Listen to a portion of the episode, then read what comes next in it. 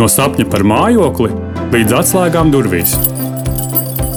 Viss par un ap mājokļu iegādi, būvniecību un remontu. Sveiciens visiem mājokļu sarunu podkāstu klausītājiem. Nav noslēpums, ka mājokļa iegāde ir viens no finansiāli lielākajiem pirkumiem cilvēka dzīvē. Tāpēc likumsakarīgs ir jautājums, kurš un kā to var atļauties. Tāpēc šodien uz sarunu esmu aicinājis Karinu Kulbergu, Svetbanka privātpersonu pārvaldes vadītāju, lai aprunātos par to, kas ir veselīga aizņemšanās un kā mērķiecīgi tikt pie sava īpašuma. Sveiki, Karina! Sveiks, paldies par ielūgumu! Jā, Karina, es, es neesmu skaitījis, kura mums ir šī epizode, kopš mēs ierakstamies, bet es noteikti zinu, ka man šī epizode noteikti būs īpaša un, un atmiņā paliekoša tieši tāpēc, ka tu šodien viesojies pie mums. Un uh, tev ir diezgan liela pieredze šajā podkāstu ziņā, jo tieši tu biji tā, kas, bija, um, kas radīja šo pirmo podkāstu tieši par ieguldījumiem. Jā, man tā tieši jāsaka, es esmu pieradusi vairāk. Nu, pat jau man liekas, mums ir uh, kāda bija kāda 30 epizode, 30 epizodes, ko vadīju pati ieguldījumu sarunu epizodēm, bet finanšu veselība un tāda finanšu pratība ir viena no tādām manām mīļākajām tēmām. Tā kā paldies par iespēju atkal atgriezties nelielā podkāstu pasaulē arī šoreiz par tādu tēmu. Jā. Kā tu jūties mikrofona otrā pusē tagad?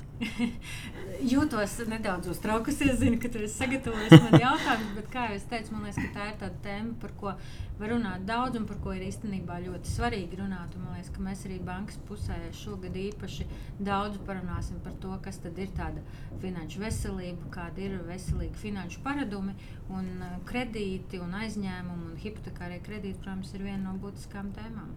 Jā, nu tad izmantosim tavas zināšanas gan par kreditēšanu, gan par ieguldījumiem šajās, šīs sarunas laikā. Un noteikti dos kādas arī vērtīgas padomas.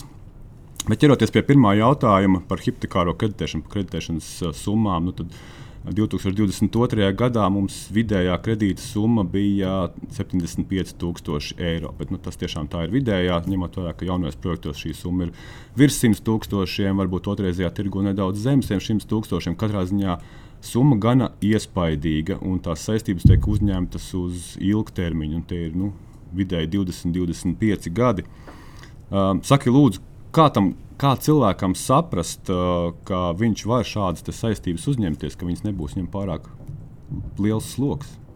Nu, pirmkārt, kā jau tu pašā ievadā minēji, man liekas, ka tāds sākuma mūsums cilvēkiem ir pilnīgi saprotams. Jo, nu, kad tu nosēdies priekšā tam līgumam, kas ir iespējams lielākais pirkuma līgums, tiešām, ko tu dzīvē izdarīsi, tas mm. ir ļoti pamatot, ka tev kaut kādas pārdomas rodās, vai tas ir pareizi, kas man būtu jāapsver. Un man liekas, ka te, protams, mums tālāk var nākt ļoti daudz rīku, ko arī pat laimē Svetbanka ir, ir, ir radījusi, kā piemēram dažādi šie kalkulatori, kur mēs arī paši varam saliekot summas, saprast, nu, kas, ka, kas tie ir par cipariem, ar ko varam rēķināties vai nē. Bet noņemot visus teiksim, kalkulatorus un aprēķinus, man pašā likās, ka ir vismaz kaut kādi teiksim, četri tādi būtiskie faktori, ko ir svarīgi sev pašam uzdot, mm -hmm. ko padomāt, nu, pirms ņemt to aizdevumu, kā, kā par viņu domāt. Un, uh, pats pirmais noteikti ir jāsaka tas, ka nu, tomēr, lai kā mēs, mēs gribētu, mums ir jādomā par to, kādi tad ir mūsu ienākumi, cik tie ir regulāri un cik tie ir paredzami. Jo līdzīgi kā arī ja pie mums atnāktu kāds un lūgtu mums aizdot naudu, un arī mēs vērtētu un skatītos, hei, bet vai tam cilvēkam tiešām tie ienākumi paredzami ir tādi, nu, par kuriem viņš spēs sekt to aizdevumu. Mm. Un tad man liekas, ka tas ir tāds godīgs saruna mums katram ar sevi, paskatīties, kā lai saka, tam savam maciņam un ienākumam acīs, kā izskatās šobrīd tā man ienākuma puse, vai tā ir pietiekami droša un stabila, un vai es jūtos šobrīd tā, ka kā jau tu minēji, parasti šīs saistības nav tāds, tādas īsas attiecības. Tās attiecības ir diezgan ilgas ar to savu hipotekāro kredītu. Un cik labi es jūtos par to, kā man ir līdz šim gājis ar to ienākumu attīstības pusi. Tas, tas man liekas, tas pirmais. Otrais faktors, un kas bieži vien arī Tu esi daudz par to runājis, un banka kopumā, nu, kas mūs satur no varbūt šī pirkuma veikšanas, ir tā mm. pirmā iemaksa. Mm. Un tipiski tā varbūt ir tā, kas nu, kāda no mums atbiedēja, jo tie ir vai nu, no 15 līdz 20 procentiem, kuriem ir jābūt jau mūsu rīcībā, nu, lai mēs vispār to pirkumu apsvērtu. Un te, protams, arī varam vēlāk parunāt nu, par dažādiem mehānismiem vai dažādiem rīkiem, ko mēs labprāt kā banka iesakām, mm -hmm. kā tad līdz, kā tad līdz tam pirmajai iemaksai, līdz tai uzkrātajai summai tikt. Uh, bet nu, nereti šī ir tāda, nu, arī ļoti, ļoti būtisks faktors tam, lai mēs vispār saprastu, vai mēs, mēs varam iet uz priekšu ar tādu pirkumu vai nē. Uh, trešais, kas man liekas, ir arī absolūti svarīgs un lielā mērā saistīts ar tiem regulāriem ienākumiem, vai mēs esam gatavi kāda daļa no šiem ienākumiem būs jāvelta tieši nu, kredīta apkalpošanai un kredīta maksājumam. Un tur arī nu, mēs eh, tipiski sakām, ka tie ir 30 līdz 40% no tāda sava regulārā ienākuma, kas ir tāds veselīgais vai kas ir tas limits, par ko vajadzētu domāt. Uh, bet vienlaikus man liekas, ka tas sasaucās kopā ar tādu ceturto punktu, ko, kas ir tāds fināli noslēdzošais. Man liekas, bieži vien arī ir tāds uzskats, ka nu, tagad ir tas hipotekārais maksājums, tas ir tas maksimums, nu, tad es būšu saimnieks un īpašnieks. Un te tomēr laikus gribu piebilst to, nu, ka, protams, arī mm, būt tajā saimnieka kurpēs nozīmē dažādus papildus izdevumus, ar mm -hmm. ko mhm. mums vajag rēķināties. Un par tiem noteikti nevajadzētu aizmirst, un tas var iekļaut gan vēlams padomāt to, ka mēs to mājokli apdrošinām, jo tad, ja mēs esam īpašnieks Un, ja plīsīs tās trūkas, tad atbildīgi esam mēs. Nav vairs neviens cits, kam varam piezvanīt, bet būtībā mm. visas tās izmaksas nāk uz mums. Tāpat arī dažādas nodokļu saistības un tā tālāk. Līdz ar tie, to man liekas, ka tie ir tie četri godīgie jautājumi, kur ir ar sevi jāparunājas un jāsaprot, vai es esmu gatavs ar tiem nu, tikt galā un tos apzināties un, un, un par tiem iedziļināties, padomāt. Jā, tu īstenībā paņēmi tādu ļoti interesantu skatu punktu, jo mēs tiešām Es laikam vairāk stāstu par ienākumiem, par pirmo iemaksu un tādām nu, praktiskām lietām. Tad tu pasaki, īstenībā vajag padomāt, vai tu esi gatavs maksāt to maksājumu. Nu, kā, vai tu tiešām esi gatavs šķirties no tiem 200, 300 eiro, vai tas tev droši vien radīs to komfortu? Jā, un, un man liekas, ka tad, kad mēs tagad arī šo tēmu vispār par tādu veselīgu finanšu pratību, finanšu sajūtu runājam un tieši attiecībā uz kaut kādām saistībām, ko tu paņem, kas ir teiksim, tādas veselīgās saistības, tad man gribas teikt, ka nu, no vienas puses ļoti tāds. Uh, tāds, tāds uh, literārs, varbūt tāds raksturojums, bet man liekas, tādas labas un veselīgas saistības ir tās, kas mums ļauj naktī gulēt. Un tad, ja tu zinās, ka tev tas maksājums regulārais ir tāds, uh, kur tu celies augšā un grozies gultā mm. un saproti, ka tev jau šobrīd, pirms varbūt to pirkumu tu izdari, tu jūties, ka tas ir par daudz un ka tas ir neadekvāti, tad pat tad, ja tev viss kalkulators saka, jā, ej uz priekšu, es domāju, ka tad ir vērts vēlreiz padomāt un parunāties tā skaitā. Vai tas būtu kāds mūsu eksperts, kas, kur, kuri dien, dienā šādas sarunas izveids, vai teiksim, ar, ar, ar savām maisaimniecībām par to parunāt un padomāt, jo tā ir tāda viena indikācija, nu, tur kaut kāda varbūt tāda riska lampiņa iedegās. Mm. Es no sevis varu piebilst, ka tas ir viens laikam, no mājasdarbiem, ko tiešām būtu ieteicams katram klientam izdarīt, jo es zinu, ka arī mūsu finanšu konsultanti ar to arī sāk uh, finanšu konsultāciju. Mēs sākam no šī otrā gala, varētu teikt, nevis mēs sākotnēji sarēķinām, cik lielu liels būtu kredīta maksājums klientam un to paziņojam, bet mēs sākotnēji pajautājām, cik daudz jūs būtu gatavs maksāt par šo. Cik jūs daudz būtu gatavs novirzīt ikmēneša kredīta maksājumam, nu, kas jums liekas komfortabli. Un tad mēs no otras puses pareiķinām, cik, cik klientam ir nepieciešama šī kredīta summa, vai tie maksājumi aptuveni sakrīt, vai tad mēs varam bīdīt varbūt šo te, uh, atmaksas termiņu, kaut ko mainīt vai ko citu. Jā, un, un tas, tas, par ko tu runā, nu, tiešām ir būtībā jau tās ve veselīga finanšu paraduma, tāds zelta likums vai tas pamats. Mazliet padomāt pašam sev, jā, ienākumu pusi mums parasti ir vieglāk nofiksēt, jo lielākajai mm. daļai no mums nu, tā alga teiksim, ir kaut kur atrunāta un tomēr ir diezgan tāda uh, nu, atkārtojoša un diezgan tāda piefiksēta. Ja? Tad savukārt to savu izdevumu pusi mēs nevienmēr tik labi saprotam. Un līdz ar to man liekas, ka tas ir tas lieliskais vingrinājums arī domājot par kredītu ka mēs varbūt vairāk laika varam noveltīt tam, lai saprastu, kam mēs šobrīd to naudu īstenībā tērējam, vai tās proporcijas ir ok vai nav ok, cik mm. mums izdodas atlikt. Un tad līdz ar to jau tā, tā veselīgi, nevis tādā haotiski domāt, cik ir tikai maksimālā summa, ko es varu paņemt, un pēc tam kā to savilkt kopā. Bet tīri domāt no tādas savas uh, mierīgas un labas finanšu pārvaldības perspektīvas, nu, vai, vai man pašam tas liekas ok, cik liela daļa no maniem ienākumiem tur aizies. Mm. Jā, runājot par, par izdevumiem, tad ikmēneša kredīta maksājums nav vienīgais, ar ko ir jārēķinās. Un tu jau iesāki runāt par to, ka ir vēl apdrošināšanas un varbūt vēl cita, citas izmaksas. Tad, nu, kā novērtēt tās patiesās tās aizdevuma izmaksas, kas, kas būtu jāņem vērā? Zini, kā, man liekas, mēs runājam par tādām aizdevuma izmaksām. Viens nu, pie tā paša teiksim, darījuma izvērtējot, man liekas, ka ir ļoti svarīgi, ka tev ir labs partneris tajā. Ja? Un, un man liekas, ka tas ir ārkārtīgi svarīgi tajā brīdī. Vai tā būtu mūsu banka vai kāds cits partneris, kur tu runātu par to, cik man šis aizdevums izmaksās, ka tu arī tam pašam ekspertam, ar ko tu runā, arī viņam pajautā, klau, kādas ir visas tās izmaksas kopējās, ar ko man jārēķinās viens tā darījuma gadījumā, un otrs arī nu, tādā dzīves cikla laikā. Un, un, un te, eh, man liekas, tas liecina par tādu, nu, saka, tādu labu partnerību tajā, ja tā atbilde ir godīga un ka mēs patiešām saliekam kopā gan jebkādus nodevas, nodokļus un mm -hmm. visu pārējo, ko tas mums izmaksās. Nevis sakam, hei, te būs tikai tāds mēneša maksājums un pēc tam tiec eh, pats ar visu citu galā. Uh, Bet, protams, arī nu, teiksim, tā visa kredīta laikā, esot īpašniekam, kā jau minēju, man tas tiešām liekas ļoti, ļoti svarīgi, ka tajā savā personiskajā budžetā mēs nevis sakām, oh, tas gadījās ļoti neparedzēti, ka pēkšņi man bija kaut kāds nolietojums tam manam īpašumam, man bija nezinu, jāpārkrāso siena, mm. man bija kāds mani nolēma, man par to bija jāprūpējās vai tam līdzīgi. Bet, ja godīgi mēs zinām, ka tādas lietas visticamāk notiks, tas ir tas risks, nu, kas mums būtu jāuzņemās un kur es domāju tiešām tāda standarta mājokļa apdrošināšana tomēr ir tas, kas ir tāda obligātā finanšu higiēna, kam ir jānāk līdzi ar to stāstu, stāstu par kredītu un par aizdevumu. Un atkal tas ir jārēķina būtībā iekšā tajā maksājumā, kā tāds fiksēts, apzināts maksājums, lai mēs parūpējamies par to, ka mūs pēkšņi nepārsteidz nu, kaut kāds šis gadījums, kas pilnīgi izsit mūs ārā no sliedēm uz to, ko mēs esam uh, plānojuši. Tā kā šis noteikti būtu tas papildus, kā viens piemērs izdevuma noteikti, ja kādi ir nodokļi, kas ir maksājami, arī tie ir jārēķina kā tāds papildus izdevums. Un, un, nu, nereti lat, latviešiem ir liekas, ļoti liels tas, nu, ka katrs grib savu to zemes gabaliņu. Jā. Tas ir ļoti, ļoti svarīgi un tiešām ļoti būtiski. Bet, protams, tam līdzi nāk arī šī atbildība. Jo, ja tu esi īrnieks, nu, tu vienmēr vari uzzvanīt īpašniekam, teikt, klau, man kaut kas nestrādā, mm. un tam īpašniekam ir jārisina. Tajā brīdī, protams, ja tu esi tas īpašnieks, nu, tas viss gūstas uz tevi. Jā, droši vien, ka tajā gadījumā ir jāizvērtē tiešām, vai tas īpašums, ko tu pērci, nesagādās tev pārlieku liels izmaksas. Nu, viņš kļūst par tādu dārgo īpašumu, kurš tev neļauj gulēt naktīs.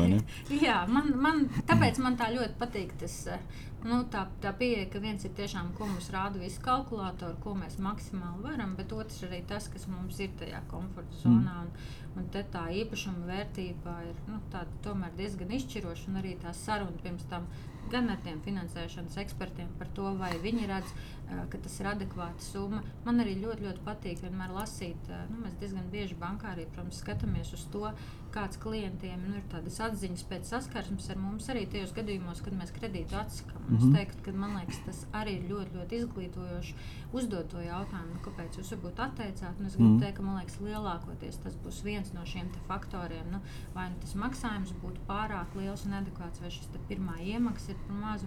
Un tajā ir ar, ar, liekas, ļoti vērts ieklausīties un priekš sevis padomāt, vai tas nozīmē, ka tiešām man tad, tad ir jāturpina krāt, lai to pirmo iemaksu izveiktu, vai man ir būtiski jāpalielina ienākumi, lai es tiktu līdz īpašumam, ko es gribēju, vai arī varbūt es esmu nu, bijis pārāk ambiciozs tajā, kādu mm -hmm. īpašumu es izvēlējos. Un tad vēlreiz paskatos, nu, kas tad ir tāds pieejamāks un vai tas man ir akceptējams vai nē. Mm -hmm. Un te piebildu no manas puses, kad arī šos atteikumus mēs, mēs lūdzam klientam novērtēt. Un, cik mēs zinām, tad šobrīd klienti ļoti atzinīgi, kā tu, kā tu, kā tu mini, novērtē šos, šos atteikumus, jo tie nav vienkārši vārds nē, bet ir skaidrojums, kāpēc, vai ir kaut kāds mājas darbs, kas ir jāizdara. Parasti vienmēr tas ir mājas darbs, kas ir jāizdara, lai nākotnē šo saņemtu aizdevumu. Tieši tā, tā ir tā atgriezeniskā saite, kas man liekas ir tikpat svarīga. Mums, lai novērtētu, nu, kā mēs esam devuši to konsultāciju, bet es ceru, ka arī klienti tiešām šo tā uztver, nu, kad, kad, kad tie ir tie kaut kādi soļi, kāpēc neizdevās, un paskatāmies, vai mēs un kā mēs viņus gribam uzlabot. Mm. Vai tev ir kaut kādi ieteikumi, kā pašam klientam sagatavot sevi šai te, nu, ilgtermiņa ceļojumam, tieši nu, kopā ar kredītu? Nu, sagatavot, nu, disciplinēt sevi, kaut kādā veidā pieredzināt sevi pie tā, ka būs kredīts, kurš būs jāmaksā turpmākos 20 gadus. Man ļoti patīk, ka tu izmantoji vārdu disciplīna. Jo eh, nu, tagad pēdējos gadus, piecus, tā padziļināti pētot, tēmu par finanšu veselību un tādiem labiem paradumiem, vārds disciplīna ir nu, principā pirmais, kas nāk prātā. Un bieži vien, ja runā par to, kā cilvēkiem sākt veidot uzkrājumus, tad ir tāds, nu, eh, finanšu dažādās pārvaldības grāmatās izmantot šis te teiciens, ja tikai mēs pret uzkrājumu attiektos tāpat kā pret kredītu, nu, tad mēs būtu uzkrājuši varbūt daudz, daudz vairāk kādā laikā. Un eh, te man jāsaka tā, ka tad, ja ir šie te, pamata paradumi jau izveidoti, es domāju, ka arī ir vieglāk samierināties ar to domu, ka disciplīna būs jāievēro arī tādā kredīta gadījumā. Mm -hmm. Un kādi tad ir? Nu, būtībā tie labie paradumi, tie, protams, ir tādi, ka mēs regulāri paskatāmies uz to viens, nu, tad, tas, tas zelta likums, ka mēs vēlams tērējam mazāk nekā nopelnām, nu, ka mums izveidojās regulāri kaut kāds, kaut vai mazs, bet buferīts, ko mēs varam atlikt. Un šis arī būtu varbūt, tas pamats, un būtībā mēs sākumā runājam vienmēr par to, ka sākumā uzkrājam šim drošības pilvenam, kas ir domāts līdzīgiem gadījumiem, kā jau mēs ar tevi runājam, nu, kad gadās kaut kas, ko tu neesi paredzējis, bet tas tev neizsit pilnībā no sliedēm, bet tev ir kaut kāds pieejams, nu, tā, tā, teiksim, tā naudu tam, lai parūpētos par tādām situācijām. Mm. Un divi tajā brīdī, jau, nu, kad tas drošības pilvens ir uzkrāts, tad padomāt par to, kas tad ir tie nākamie mērķi. Un tipiski lielai daļai no mums nu, tāds, tas lielākais mērķis arī būs tam, lai šo savu īpašumu varētu iegādāties un kā tad tikt pie tās pirmās iemaksas. Un, man liekas, jo tā apzinātāk un ātrāk mēs to paradumu ar tādu regulāro uzkrājumu ieviešam un veicam, jo vieglāk mums pēc tam arī ir nu, akceptēt to situāciju, jā, ko tas nozīmē, ka būs tas kredīts, kad es saprotu, kam es īstenībā tērēju. Un kā jau mēs te runājam, tad būtībā ir. Nu, Jo drīzāk tu tā atklāti paskaties to savu budžetu un saproti, nu šobrīd par īri, piemēram, tur maksāju tik naudiņas, bet es būtu gatavs maksāt mazliet vairāk, tad, ja tas būtu mans īpašums, vai mm. būtu mazāk, un tad es jau zinu, ar kādiem skaitļiem es operēju. Tā, man liekas, tā, nu, tiešām tā, tā veselīgā pieeja arī domājot par tiem kredītiem ir tajā, ka nevis tas ir kaut kāds haotisks gājiens, kur pēkšņi tev ir iespēja, tu ne, nekad neesi par to neko domājis, un tagad ķeries un, un, un sāc skatīties druģaini, kā vispār līdz teiksim, tai maksimālai summai tikt.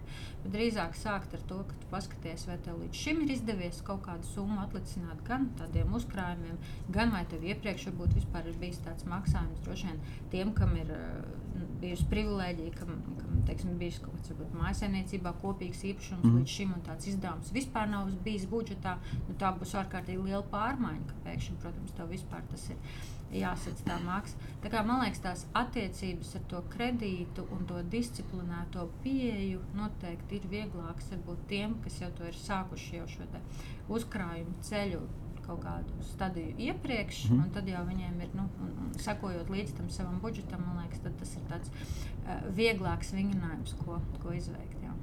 Un ko tu atbildētu tiem, kas saka, bet man nekas pāri nepaliek mēnesī? Es esmu ļoti reti redzējis cilvēkus, kas labprāt saka, jā, man paliek pāri, un tas ir tik viegli. Ja. Jo nevelti jau ir tā, ka tie psihologi ir pētījuši, ka tā, tā atlikšana, nozī, nu, sākumā, kad tu ieej tajā, tajā teiksim, paradumā, ka tu pat reizēm jūti tādas sāpes, jo tam no kaut kā visbiežāk ir jāatsakās. Nu, tev ir kādā brīdī jāpasaka mm -hmm. nē kaut kādām ekstra teiksim, lietām, nu, ko tev labprāt gribētos. No otras puses, tas, ko mēs esam paši redzējuši, ka, piemēram, ievieš ieviešot ļoti, ļoti vienkāršu rīku klientiem, lai palīdzētu, kā piemēram šobrīd ir krājrīks, mm -hmm. kas ir ar šo kartes nopaļošanas funkciju, kas nu, nopaļo summas teiksim, līdz apaļam eiro un to starpību ieskaita tev krājrīkā. Man jau mēs... 500 eiro ir. mēs tiešām... esam, tieši tā. Un mēs esam redzējuši, ka klients saka, es nemaz to nemanīju. Man tas nebija tik ļoti sāpīgi, bet izrādījās, ka es to varu darīt. Un tad tas, ko es gribētu teikt, ka es īstenībā aicinātu tos klientus, kas, kas, kas vēl nu, nedomā par tādu regulāru krāšanu. Uh, visi, kas saka par jaunu paradumu ieviešanu, saka, ka galvenais tam ir jābūt ļoti vienkāršam. Mm -hmm. Un tad tas ieteikums droši vien būtu sākt ar summu, kas varbūt arī jums varbūt nav šobrīd tik nenozīmīga. Lai tie ir 5 eiro, lai tie ir varbūt 10 eiro mēnesī, kur jūs uzliekat automātisku maksājumu uz citu kontu, savu citu kontu projām, kur nav piesaistīta jūsu karte. Mm -hmm. Vienkārši paskatieties, kā, nu, kāda būs tā sajūta. Un tas, ko parasti klienti, no klientiem redzam un, un jūtam, nu, ka tajā brīdī jau tas rituāls ir iegājies. Pēc mēneša, pēc diviem rekām, var sakt, forši pēkšņi, pēkšņi ieraugt, o, tev ir sakrājusies jau kaut kāda lielāka naudiņa. Un tad tu arī to loģiku saproti, un tev ir varbūt to apjomu, ko tu regulāri krāji, palielināt vieglāk. Nu, tie pirmie soļi ir tādi grūti. Bet tāpēc es viņus aicinu tā izdarīt, varbūt tādus vienu mazu mājas darbu, kur tu automatizē to uzkrājumu. Tad tev nav katru reizi jādomā, vai man paliks kaut kas pāri, lai uzkrātu šo mēnesi. Nepalika, varbūt nākamajā mēnesī. Bet patiesībā par to uzkrāšanu domāt līdzīgi, kā mēs varbūt domājam par kredītu, ka tas ir tāds obligātais maksājums sev, kad regulāri kaut ko atlikt. Un sākt ar tādu mazāku summu, tiem nav jābūt simtiem un tūkstošiem, bet izveidot šo paradumu un tad pēc tam tās summas palielināt. Es gribēju prasīt, jo ar 5 eiro skaidrs, ka pirmā iemaksā sakrāt droši vien būs ļoti ilgi jākrāj. Droši vien kaut kādā brīdī tas ir vai nu jākāpina, vai nu kaut kas jāmaina tajos savos paradumos. Nu, kad tā summa, nezinu, uzkrāt, varbūt tur es uzkrāju 1000 eiro, ko tālāk ar viņiem varbūt kaut kur var izdarīt jā, uzkrāt nu, kaut kur ātrāk, varbūt. Jā, nu, labā ziņa ir tāda, ka uh, tad, tajā brīdī, protams, jau, kad mēs esam noskatījuši īpašumu, tad mēs sākam rēķināt līdzi, tad mēs saprotam, cik vispār tas nozīmē tie 15 līdz 20 procenti.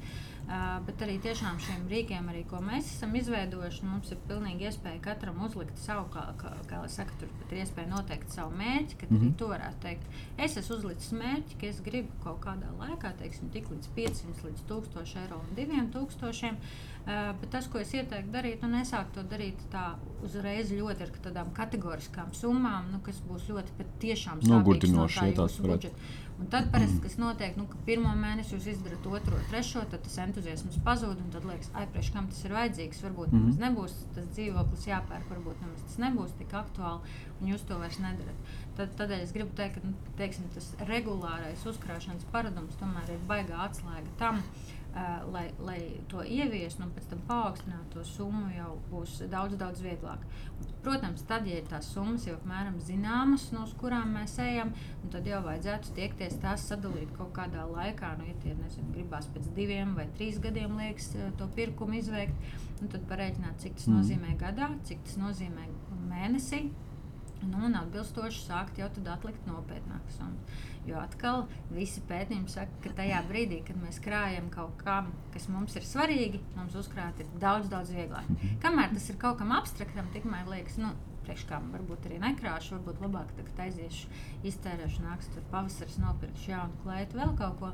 Bet tajā brīdī tas ir kaut kam, kas mums ir svarīgi, tad mēs uh, bieži vien sākam domāt, kāpēc es to nedarīju ātrāk, mm. kāpēc es neuzkrāju, nesāku varbūt krāt iepriekš. Man liekas, tas pirmais lielais maksājums parasti tāds ir, tad, kad cilvēki nolemj precēties. Es esmu bieži vien dzirdējis, ka viņi saka, būtu tas ātrāk tam kāzām sācis uzkrāt, būtu, būtu bijis daudz ātrāk un vieglāk. Ja? Bet uh, līdzīgi droši vien arī ar šo pirmo iemaksu, nu, jo ātrāk mēs ar sevi novienojamies, ka tas ir mūsu īstenībā mērķis, ka mums tas ir svarīgi, mm. jo vieglāk tas summas ir kaut kā sākt atlicināt. Bet jā, droši vien tas pieturas punkts varētu būt šis ikmēneša kredīta maksājums, vien, pie kā vajadzētu sev gala beigās pieredzināt. Nu, līdz tam līdz, uz, beidzot, veicot uzkrājumus, nozīmē sarēķināt, eh, cik man nebūtu nepieciešams kredīts liels, lai iegādātos to savu sapņu mājokli. Un pareiķināt pretī, kāda ir šī ikmēneša kredīta maksājums, un saprast, ka līdz līdz šai summai man kaut kādā brīdī ir jānonāk, ka es to varu atlicināt. Jo pēc tam tāds maksājums man būs jāveic katru Jā. mēnesi un bez atkāpēm. Jā, un tāpēc minēju, man liekas, ka tiem, kam jau varbūt šobrīd ir tāda pozīcija viņa izdevumos, nu, piemēram, īra, varbūt viņiem nu, ir vieglāk jau saprast, mm. ko ir jārēķinās, ko tas nozīmē. Tad iespējams lielāks izaicinājums ir tieši spēt uzkrāt šai pirmai iemaksai, jo tu jau esi būtībā pieredzējis, ka kaut kāda daļa no tā ienākuma aiziet šim mājoklim. Un tad, ja tāds izdevums nav bijis pavisam, tad, protams, eh, nu, tas, eh, tas pie tā ir tiešām, kā tu saki, sev jāpieredina, ka tāda būtu tā summa no taviem ienākumiem, no kā tu regulāri attīstīsies. Mm -hmm. Jā, tie ir viena cilvēka grupa, kas šobrīd mēģina krāt un domā par savu mājokli, bet tur ir citi, kas ir jau savu mājokli iegādājušies un joprojām spēja atlicināt savu, savu veidu uzkrājumus, un tie uzkrājumi veidojas, un drošības pilvens ir. Un, šobrīd mēs sabiedrībā dzirdam tādus apgalvojumus, ka nu, dēļ šīs augstās inflācijas tad, tad prātīgāk būtu kredītu atmaksāt ātrāk, nodzēst ātrāk. Kāds ir tavs ieteikums? Tiešām vajadzētu atmaksāt ātrāk, vai tomēr paturēt šo drošības pilvenu, vai investēt kaut kur citur? Mm -hmm. Es tev atbildēšu tā, tajā gadījumā, pirmkārt, man liekas, ka drošības pilvenam ir jābūt jebkurā gadījumā, jo, diemžēl, bet tos neplānotos izdevumus neviens nav atcēlis mm. arī augstas inflācijas laikā. Un nebūs tā, ka pēkšņi jums var nebūt vajadzība sekot kaut kādas ar veselību saistītas izdevumus, varbūt kaut kāda izdevuma, kas radīsies pēkšņi vienalga ar mājokli, ar auto, ar citiem aspektiem. Tā, tā daļa un tas drošības pilvena daļa tomēr ir tā, ko es uzstājīgi teiktu, ka tai ir jāpaliek mūsu rīcībā tam brīdim, kad tā nebaltā diena iestājās vai nu tas būtu kaut kāds īslaicīgs arī teiksim, darba zaudējums vai tam līdzīgi. Un to aiztikt tomēr nevajadzētu. Mm. Tad, ja runa par to, ka ir kaut kāda papildus uzkrājuma, kā tu minēji, vai tos ieguldīt kaut kur citur vai atmaksāt kredītu, tad droši vien ir jāstāsta katram ļoti, ļoti individuāli. Jo skaidrs ir tas, ka, protams, teiksim, daudziem šis mēneša maksājums attiecībā uz kredītu arī Teiksim, ietekmē noteikti varētu būt palielinājies, jā, bet uh, bieži vien mēs redzam arī, ka citu izdevumi arī ir pieauguši. Un tā mm. rezultātā nu, teiksim, novirzīt visu pilnīgi, lai šobrīd ātrāk saktu to kredītu, nu, varbūt uh, nebūtu tas ieteikums. Tajā brīdī, uh, nu, ja tu esi aktīvs investors un tu redzi, ka tu tādos finanšu tirgos vai citās investīcijās, ko tu veic, var nopelnīt stipri, varbūt vairāk nekā tu maksā par to kredītu, tad, protams, nu, tā loģika teiktu to, ka nu, būtu jā jāiegulda tur, kur tas ienesīgums ir lielāks. Es domāju, ka katram noteikti ir vērts apstīties uz to savu situāciju, bet tas ieteikums būtu tiešām šo drošības pilvenu tomēr paturēt. Jo, nu, e, cenu pieauguma vai kaut kādu neplānotu izdevumu ziņā, es domāju, ka tās lietas joprojām ir aktuālas, kā šobrīd, tā vakar, tā arī rītdien būs. Un tam noteikti uzkrājumu, to drošības pilvenu vajadzētu tomēr atstāt. Ja, tas, tas sanāk tāda tīra matemātika, pareiķināt, cik tu maksā par kredītu, gadā procentos sarēķināt, un tu, kā tu to naudu varētu izmantot savādāk, kur nopelnīt viņu savādāk. E, jā, tieši tā. Un, un es arī neizslēdzu to, ka bieži vien pieeja. mums ir nu, šī ir tā racionālā pieeja, mm. ko mēs kā teiksim, finansisti varētu teikt. Bieži vien tā ir arī iracionāla pieeja. Zinu, kad arī man pašā un daudziem maniem paziņām varbūt ir kaut kāds cipars galvā, līdz kurai samazinot tos savus kredīta saistības, mums ir vieglāk teiksim, mm. naktī gulēt, un reizēm mēs vienkārši gribam kā, aiziet līdz tādam ciparam, un tad, teiksim, tas pārējais kredīta atlikums mums liekas ok. Ta, tas arī ir labi, un tas arī dara, bet tas, ko es šajā brīdī gribētu uzsvērt, tas, ko droši vien nevajadzētu darīt, nu, pilnībā samazināt savu drošības pilveni, domājot, ka šobrīd mums kaut kāda cita ekstra pēkšņa izdevuma varētu nebūt. Jo nu, tad atkal mēs uzliekam sev pašu tādu lielāku stresu īstermiņā. Mm. Un kāds ir tavs viedoklis par investēšanu nekustamajos īpašumos? Tas ir arī viens no mītiem, kas visu laiku klīst, klīst riņķī, ka nekustamais īpašums tā ir ļoti laba investīcija. Un tā vienmēr runā līdz brīdim, kamēr nāk, atnāk kāda no krīzēm. Ja, tad uzreiz saka, tā, tās domas strauji mainās. Bet, um, Kā tas var būt? Taisnība, man liekas, kopš, kopš es strādāju bankā, mēs redzam dažādas aptaujas par to, kur prasa, nu, kas ir tas uh, tipiskākā investīcija, kur gribētu investēt. Nekustamais īpašums, man liekas, ir parasti pirmajā, otrajā vietā absolūti. Uh, ja mēs pajautātu kādam, kas nekustamo īpašumu pirka 7, 8 gadā, vai tā ir laba investīcija, viņi viennozīmīgi mm. pateiks, droši vien, ka nē, ka cenas korektēt. Tas, ko es droši vien gribētu teikt, viens, man liekas, ka mums tā lielākā daļa šķiet laba investīcija, jo kaut kur mums ir jādzīvo pa mājokli, mums ir jāmaksā, un bieži vien tas tiek pretnostatīts, kā, nu, teiksim, tāpat es maksātu par īri, tad es labāk mm. nekustamo īpašumu varbūt nopirkšu. Un tādā izpratnē, arī runājot par tādu finanšu veselību, es domāju, ka daudziem no mums teiksim, tas tādu miera sajūtu iedod. Bet, ja mēs runājam tieši par ieguldījumu, tad tas patiešām ir mīts, ka tas vienmēr ir ļoti labs ieguldījums. Jo arī šobrīd mēs redzam, nu, mēs nevaram teikt, ka, ka tas viss ir monolīts, kaut kāda vienība, nekustamais īpašums. Tas, kas ir bijis, kad nu, arī šobrīd mēs to droši vien varam tirgu redzēt, ka ir kaut kāda īpašuma, kuru vērtība visticamāk ilgākā termiņā pieaugs. Šobrīd mēs arī to esam iepriekšējos podkāstos mm. par to runājis. Viss, kas ir energoefektīvs un kas var palīdzēt ietaupīt mums kaut kādas teiksim, izmaksas par par, par komunāliem ir tas, kam vērtība būtībā pieaug. Mm. Savukārt pretēji nu, teiksim, tas nekustamā īpašuma segments, kas varbūt ir tāds, kurā ir pietiekami daudz vēl jāiegulda, lai viņš kļūtu par energoefektīvu, nu, tur tā vērtība tik ātri nepieaugs. Un tā kā tāds investīcijas atšķirība no izdevuma ir tā, ka tur mēs varam ekspektēt, ka tā vērtība ilgā termiņā pieaugs tad uh, nekustamo īpašumu, ja tā ļoti ilgi viņu skata kā tādu investīciju aktīvu, tad jā, tā vērtība ir augusi, bet arī viņam ir dažādas grupas, kur mēs nevaram teikt, ka pilnīgi visās tā vērtība noteikti pieaugs. Un kā tāds eh, šī investīciju veida lielākais mīnus tiek uzskatīts tas, ka salīdzinājumā teiksim, ar ieguldījumiem tādos finanšu tirgos, nu, kad mums eh, tomēr viņš ir ļoti aktīvi jāpārvalda. Mēs arī, mm. arī tad, ja mēs tiešām viņu uztveram kā investīciju un, piemēram, vēlamies nodot īrniekam, tad tajā brīdī, kad tas caurulis plīsīs, tie būsim mēs, kam vajadzēs naktas vidū vai brīvdienās skriet un to risināt. Nu, finanšu tirgos eh, droši vien, tad, ja mēs iegu- ieguldam kaut kādās akcijās, mums eh, lielākoties nav vajadzīga tāda tik personiska pieeja, kas paņem kaut kādu laiku. Un, un, un tā. nu, protams, droši vien arī likviditāte lielā mērā. To arī neviens nav atcēlis, ka atkarībā no tā, kāda veida šis īpašums ir, ja mēs to izvēlamies kā investīciju, tad ir mirkļi, kad tas ir likvidāks. Mēs redzējām, varbūt Covid laikā visi sāka gribēt dzīvot eh, mazliet lielākos īpašumos, Mm. jo pēkšņi visiem bija jāspiežās mazliet nu, nu, tajā iepriekšējā īpašumā.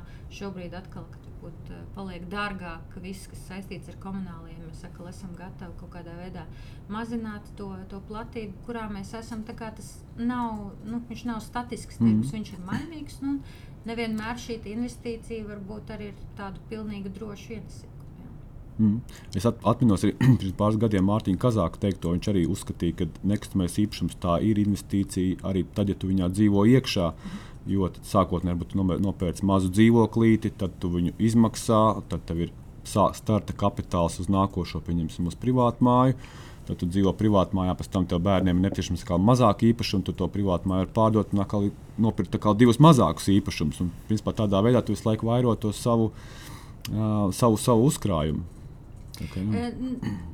Eh, Nu, kā, tur eh, joprojām eh, tiek lausti šķēpi par to, vai tu pret savu īpašumu vienmēr attiecies tā ļoti racionāli un spēj, nu, tāds objektīvs investors. Nu, tāpēc es tur atbildēju uz jautājumu. Bet tu spēj tā ļoti racionāli pateikt, nu tā, šis papildinājums vai remonts vai, vai terase vai jumts vai tur jumta logi palīdzēs palielināt vērtību manam īpašumam vai nē, nu lielākoties jau nē, jo nu, tas tomēr ir tāds mm. emocionāls lielā mērā pirkums un labi, ka tas tāds arī ir, jo nu, tas tiešām to mūsu dzīves kvalitāti kaut kādā mērā palielina. Uh, Ziniet, kā es vienīgais, ko es gribēju pieminēt, ka tu teici, šo, minēji šis ļoti labs piemērs, to, ka tu sāki ar mazā dzīvoklītī, tad tur māja, tad atkal samazinām. Mm. Te ir eh, ļoti svarīgi neiekrist turbūt tādā. Tajās, tajās lamatās, kas saka, nu, ka visu laiku mums būtu eh, jāpalielina tā, tā platība, vai tā vieta, vai tā vērtība tieši tam īpašumam, kurā dzīvojam. Jo bieži vien, kad cilvēkiem jautā, nu, tad, tad, kas ir tie viņu mērķi, kā viņi vēlas dzīvot, kas ir tas kredīta apjoms, un tad viņi vienlaikus saka, grib ļoti dārgu māju, nu, nezinu, mārupē, mm -hmm. mežparkā, vēl kaut kur vienlaikus grib nemitīgi ceļot un mm -hmm. grib dzīvot Balī un vēl kaut kur, vēl kaut kur. Un ir skaidrs, ka ar to ienākumu to izdarīt vienkārši, godīgi sakot, nav iespējams. Ja? Un tad ir nu, jāizdara kaut kādas šīs izvēles, un, protams, tādi lielāki pirkumi, lielāki nekustami īpašumi, nu, viņi paģēra to, ka arī tas tavs dzīvesveids droši vien būs lielā mērā savādāks mm. nekā tad, ja varbūt tas īpašums būs mazāks. Un tur tas sociālais spiediens varbūt uz to, ka vienmēr ir jābūt vēl kaut kam, nā, kā, kā te valga palielinās, vajag lielāku mašīnu, mm. lielāku māju, lielāku vēl kaut ko. Tur eh, diezgan uzmanīgam jābūt tajā, vai tas īstenībā patiešām atbilst arī tiem taviem dzīves mērķiem un ko tu vēlēsies. Jo nereti tas ir vairāk par to sociālo spiedienu, ka tagad man varbūt kaimiņam ir tur labāk un tāpēc man arī vajag. Bet izvērtēt to, vai tiešām tas ir tiem taviem mērķiem atbilstoši, vai, vai tie bērni neizaugs ātrāk nekā tev liekas, un vai tiešām teiksim, tas attālums būs ok. Tā kā arī tie aspekti noteikti jāņem. Es, es precizēšu, ka Mārtiņa filozofijas pamatā bija tas, ka tev ir jābūt īpašumam atbilstoši tā brīža nepieciešamībai. Tas, ko mēs esam, tā, tu saki, jā, mēs esam pieraduši, ka mums katram solim ir jābūt lielākam, mm. dārgākam, mm. skaistākam. Mm. Bet varbūt ir, ir pienācis brīdis, kad mums atkal jānāk atpakaļ. Jo nu, varbūt mums to 300 kvadrātmetrīgo māju vairs nevajag, tad, kad bērni ir jau aizgājuši savā mm. dzīves gaitās. Un, un tas mums ir labs iemesls to, to lielo māju pārdot un nopirkt sev varbūt nelielāku dzīvoklīti un varbūt arī kādu no bērniem. Nu, tā, tādā ziņā. Mm. Jā, jā nu, noteikti. Un, bet tā fleksibilitāte, protams, ka mēs ļoti nu, iedzīvojamies. Tad mm. mums ir grūti, protams, atteikties reizēm no tā lielākā. Bet uh, tiešām jā, tikai tāds nu, papildus piezīme, ka esam arī kritiski tajā, kad reizēm nu, nevajag pie katra tā nākamā arī personiskās, varbūt kaut kādas izaugsmes soļi obligāti tik, tik tālu paplašināties, ka mums tā jāizvērtē, vai tas atbilst arī tam, kāda ir tā mūsu ikdiena rutīnas un vai tas ir kaut kas, ko varam pēc būtības arī atļauties. Mm. Jā, arī es vēl noslēgumā vēl pēdējo jautājumu atļaušos tev pa pavaicāt. Gan ieguldīšanai, gan arī uh, kredīta saņemšanai nepieciešams šis finanšu partneris, kas tev būs ar tevi kopā. Nu, ilgstoši tas nav tāds, kā saka, tikai partneris uz darījumu noslēgšanas brīdi, bet ilgstoši. Vai tev ir kādi ieteikumi, kā šo finanšu partneri izvēlēties tirgū? Zin kā, kā jau es te teicu, man liekas, ka arī mums, skatoties eh, Svetbānijas ietvaros, mēs ļoti, ļoti rūpīgi sekojam līdzi tam, eh, kāda ir kvalifikācija mūsu finanšu konsultantiem, kādas ir sarunas, kāda, kāda ir atteikumi, kāda ir pieteikumi. Mm -hmm. un, un tas, par ko es esmu vienmēr priecīga tajās atsauksmēs lasīt, un, protams, arī draugu un paziņas, ka nu, vienmēr mm -hmm. kaut kāda dod teiksim, savu atgriezenisko saiti. Man liekas, ka tas, kas ir ārkārtīgi svarīgi arī no tām klientu kurpēm, kā tu minēji, ka tas tiešām ir tas partneris, un kurš tev arī godīgi saka, klau, pie šī tāda atalgojuma tu, tas ir pat, pat daudz, ko tas iecerējis. Ir bijis jāpārskata, jāpadomā, vai arī vai tiešām to pirmo iemaksu, vai tā, tā ir pietiekama, kā tu plāno viņu sakrāt. Es domāju, ka ir ārkārtīgi būtiski tiešām šī saruna, tā godprātīgā saruna, kur nevis mēs ienākam tikai viena puse, grib kaut ko realizēt un prasa, bet mēs tiešām esam tajā tajās veselīgajās kredīta attiecībās, veselīgajās finanšu attiecībās, mm kur mēs kopā to izrunājam. Tā kā priekš manis, es domāju, ka uh, tas ir tāds nu, numur viens faktors tajā, ka tas nav kaut kas, nu, visiem ļoti patīk, protams, digitāli ātri risinājumi, un daudziem noderēs arī tie, bet tā iespēja viens pašam sākumā pareiķināt šajos te, tā skaitā kalkulatoros, kādi tie piedāvājumi varētu izskatīties, bet pēc tam īstenībā iziet to ciklu, kurā ar, kopā ar konsultantu, kurš to dara dien dienā, kuriem ir brīnišķīgi ieskati par to, tā skaitā, kāda ir vērtējuma, vai, vai teiksim, tā cena nav kaut kas mm. pārvērtēts, vai tā ir atbilstoša. Par to mēs tik daudz nepieskārāmies, neparunājām, bet tā skaitā arī tā, es domāju, ka tā ir tā kvalitāte, tas ir tas, kas ir nepieciešams. Jo, kā jau mēs sākām to sarunu, tas tomēr ir lielākais pirkums dzīvē. Mm. Un, un tu negribi to izdarīt sasteigt, tu negribi to izdarīt tā, ka pēc tam nākamos 30 gadus vai 25 gadus tu domā, šis bija par traku, kāpēc es tajā iegāju. Un tādēļ man liekas, ka tas laiks, ko mēs noveltam tāds kvalitatīvi sarunām ar cilvēkiem, kas to dara dien dienā un redz tās tendences, es domāju, ka tās ir tās partnerattiecības, kas man mm. liekas ir ļoti, ļoti svarīgas. Un mēs tam rūpīgi sakojam līdzi, un ne tikai tiem, kas paņem to kredītu, bet, kā jau es minēju, arī tiem, kam varbūt ir atteikums, ka te ir nu, svarīgi gribēt saklausīt tos iemeslus un saprast, kādi ir tie mani, kā tu minēji, tie nākamie soļi, ko es varu izdarīt, lai varbūt nākamajā reizē man ir vieglāk, labāk, ērtāk. Mm. Jā, turklāt jau tas darījuma noslēgšanas brīdis, tā nav vienīgā reize, kad ir šī saskarsme ar šo bankas konsultantu. Tie ir ilgstoša, ilgstoša sadarbība, varētu teikt, ilgstoša partnerība. Jā, pilnīgi noteikti. Un, un te, tāpēc es saku, liekas, ka tiešām tās ir tās attiecības. Un to laiku paņemt, lai nevis tādā steigā, bet visus savus jautājumus saprastu, par viņiem runātu, liktu uz galda, jautātu, kas vēl par izmaksām ir, ar ko vēl man ir jārēķinās, mm -hmm. kā es varu apdrošināt, cik tā apdrošināšana man maksās, kāpēc, kas būs iekļauts, kas nebūs iekļauts. Šis ir tas laiks un šī ir tā vieta, ka to mm -hmm. nedarīt sasteigti, bet runāt ar cilvēkiem, kam ir ārkārtīgi liela pieredze tajā. Es domāju, ka mēs noteikti esam, esam labākie. Skaitā, esam noteikti labākie šajā partnerībā ar klientiem. Jā, Karina, tev teikšu lielu paldies, ka tu varēji atnākt pie manis un uh, dalīties ar savu skatījumu un ar saviem uh, padomiem. Es domāju, ka arī mūsu klausītājiem būs ļoti interesanti noklausīties šo sarunu. Un, un vizualizēt to visu, ko, tu, ko tu stāstīji, un, un, un varbūt mēģināt tiešām arī atlicināt kaut kādus uzkrājumus un domāt par to savu sapņu mājokli turpmāk. Paldies tev par iespēju aprunāties, un tiešām, ja šādi plāni ir, tad es iesaku tiešām aprunāties ar mūsu finanšu konsultantiem, sazināties ar mums, un es domāju, ka kopā mēs atradīsim ceļu. Paldies tev! Jā, paldies klausītāji, ka klausījāties un sekojat līdz mūsu mājokļa sarunām arī turpmāk. Visu labu! thank you